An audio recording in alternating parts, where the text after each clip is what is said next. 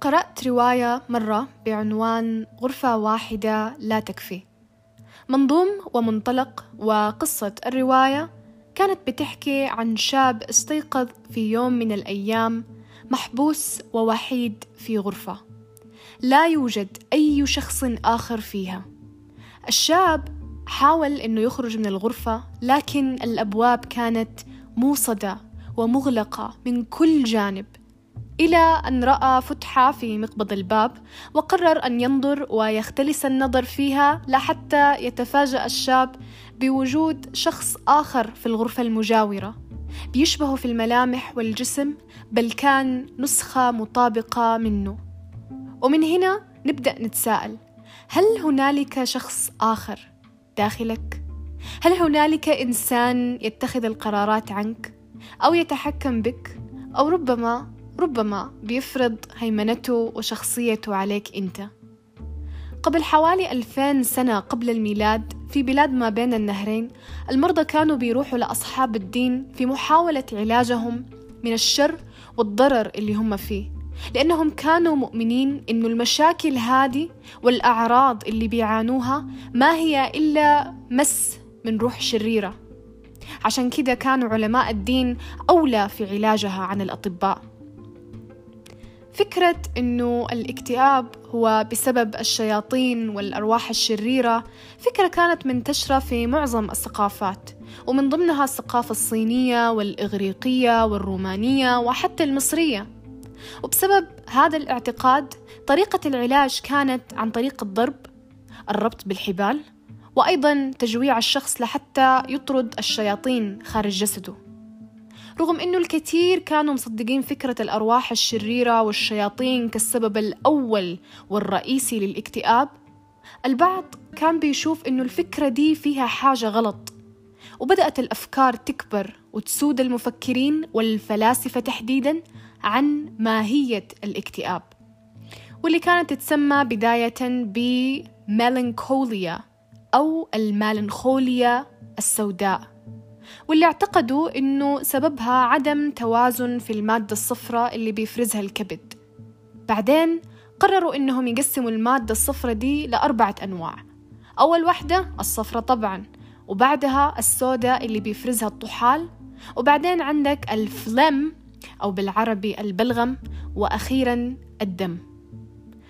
أعتقد أبو الطب العربي الفاضل أبو قراط أنه السبب الرئيسي وراء الاكتئاب أنه المادة السوداء اللي بيفرزها الطحال تم إفرازها بشكل كبير جدا لدرجة أنها عملت عدم توازن وخلل للسوائل داخل الجسم. أبقراط اقترح أنه طرق العلاج تكون إما بعمل diet أو رياضة أو أخذ حمام دافي أو عن طريق سحب الدم. الفيلسوف الروماني من الجهة الأخرى سيسيرو آمن إنه سبب الاكتئاب كان سبب فسيولوجي بيرجح إنه الغضب الخوف وحتى الحزن هو السبب الحقيقي للاكتئاب. تطورت فكرة الاكتئاب وأسبابه إلى ما جاء طبيب فارسي اسمه رازيس وشاف إنه سبب ومصدر الاكتئاب من الدماغ وأقترح عدة طرق للعلاج. منها الحمامات الدافية وبعدها على طول نشأ العلاج عن طريق شيء بيتسمى بالbehavior therapy. والطريقة دي من العلاج لقت تحسن ملحوظ من المرضى. لكن في القرون الوسطى وفي أوروبا تحديدا فكرة إنه الشياطين والأرواح الشريرة هي دي سبب الاكتئاب ما اتغيرت وكانت قائمة لمدة زمنية طويلة جدا. وكان عندهم برضو حاجة بتتسمى ب lunatic asylum أو بالعربي ملجأ المجانين. التغيير كان بتدرج بطيء جدا في أوروبا. إلى القرن ال18 وال19 اللي بدأت أوروبا وقتها تعترف إنه في مرض نفسي اسمه اكتئاب وإنه دي حالة زي بقية الحالات الجسدية ما فيها أي اختلاف.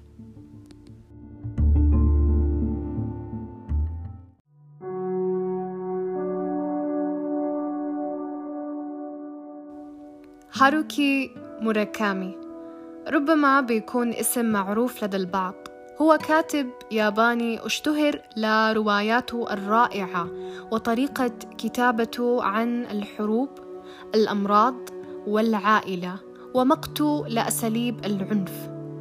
في روايته الشهيرة كافكا على الشاطئ شدني سطر كتبه عن القدر وقال فيها القدر أحيانا كعاصفة رملية صغيرة لا تنفك. تغير اتجاهها وأنت تغير اتجاهاتك لكنها تلاحقك. تراوغها مرة بعد أخرى لكنها تتكيف وتتبعك. تلعب معها هكذا مرارا كرقصة مشؤومة مع الموت في الفجر. لماذا؟ لأن هذه العاصفة ليست شيئا يهب فجأة من بعيد.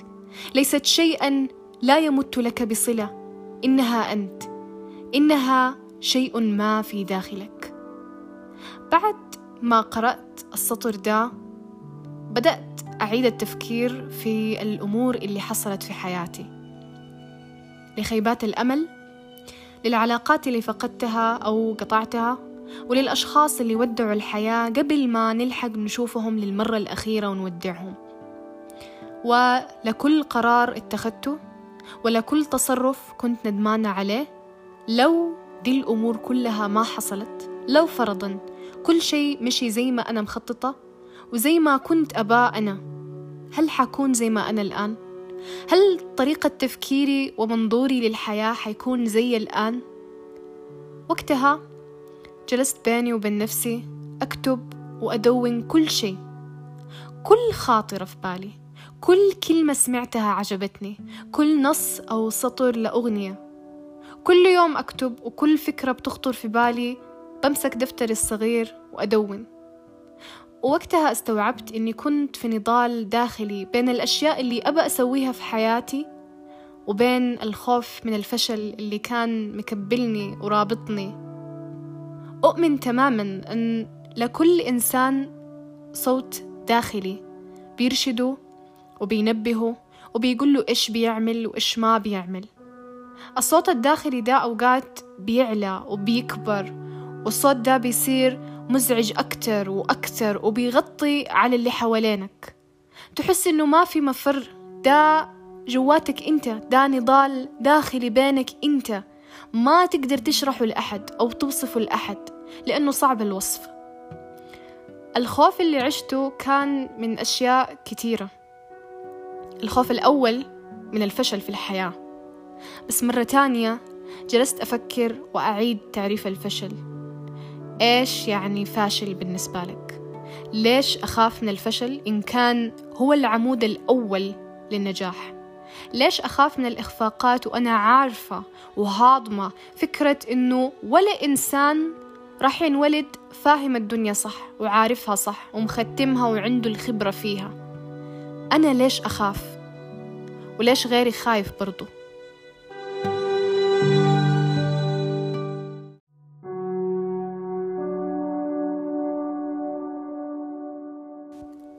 الحياة ما رح تعطي لذتها بسهولة.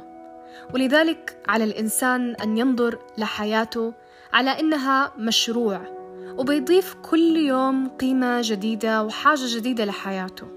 بيقرأ صفحة مفيدة مثلا أو يقول كلمة طيبة أو يساعد شخص محتاج. واحد من المفكرين عبر عن حقيقة مهمة للحياة وقال أن الرضا الشخصي بينبع عن هدف يخرج عن نطاق شخصية الفرد كالعمل أو الإيمان بشيء مثل محاولة تربية الشخصية وجعلها مفيدة نافعة. لذة الفشل لذة ساحرة وخصوصا لأن الفشل ممكن يكون عادة وممكن تقتل الإرادة وبتملأ حياة الإنسان بالأوهام. والفشل حاجة مش مكلفة هي اختيار وحرية وراحة. ما رح تفكر في القيود وتحاول تتخطاها وما رح تتعب حالك لحتى تمشي سفينتك كما تشتهيها أنت وليست كما تشتهيها الرياح. بس برضو لذة الفشل لذة خطرة لأنها في النهاية رح تؤدي لهدم حياة الإنسان بقسوة وبمرارة. المصريين القدامى كانوا بيقضوا نصف أعمارهم بيجهزوا للموت عن طريق بناء المعابد والمقابر الجميلة. كانوا بيخافوا الموت وما لقوا طريقة غير إنهم يستأنسوه ويخلوه موت جميل وأنيق. روح الحزن كانت عميقة لدى المصريين لدرجة أن قبورهم ومعابدهم هي اللي بقيت وقاومت الزمن الطويل. بس الغريب في الموضوع أن المصريين احتفظوا بتلك الأيام بروح الدعابة والسخرية والمرح ووصفهم مؤرخ بأنهم شعب لاذع القول وروحه مرحة. فإيش سر ده التناقض؟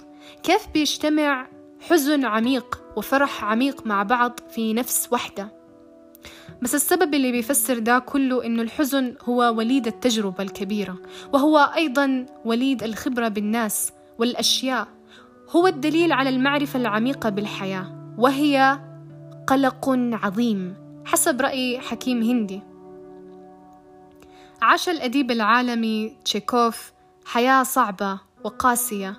ووصفها هو بنفسه مرة وقال كان أبي من رقيق الأرض وكنت أشتغل بالبيع في أحد الحوانيت ثم بالغناء في الكنيسة ونشأت على احترام السادة وتقبيل يد القساوسة وتقديس آراء الآخرين والتعبير عن عرفان الجميل إزاء كل لقمة أصيبها. كنت كثيرا ما أجلد وأدور هنا وهناك وأضطر إلى النفاق لا شيء لشعوري بالتفاهة وضآلة الشأن. بس تشيكوف ما وقف هنا. بل أكمل قائلا لقد بذلت مجهودا عنيفا لأعصر مشاعر العبودية من نفسي قطرة قطرة حتى اكتشفت أن عروقي لم يعد فيها أثر لدم ذليل وإنها تفيض بدم إنساني حقيقي. الصباح الجميل قادم. سيتطلب أيام شهور أو حتى سنوات. لكن الأهم من ذلك ألا تسلم نفسك لتلك اللذة الخطرة. الحياة لن تكون مفروشة لك ببساط أحمر مجهزة لا حتى تمشي عليها. كان سقراط قبيح الوجه ولكنه كان أنشودة أثينا يتغنى بها الجميع بمن فيهم حسنوات المدينة. وكان أبو داروين بيقول عنه أنه عار العيلة ومع ذلك ظل هذا العار بيعمل وبيجتهد حتى أصبح ألمع اسم في العيلة بل أصبحت العيلة كلها منسوبة له.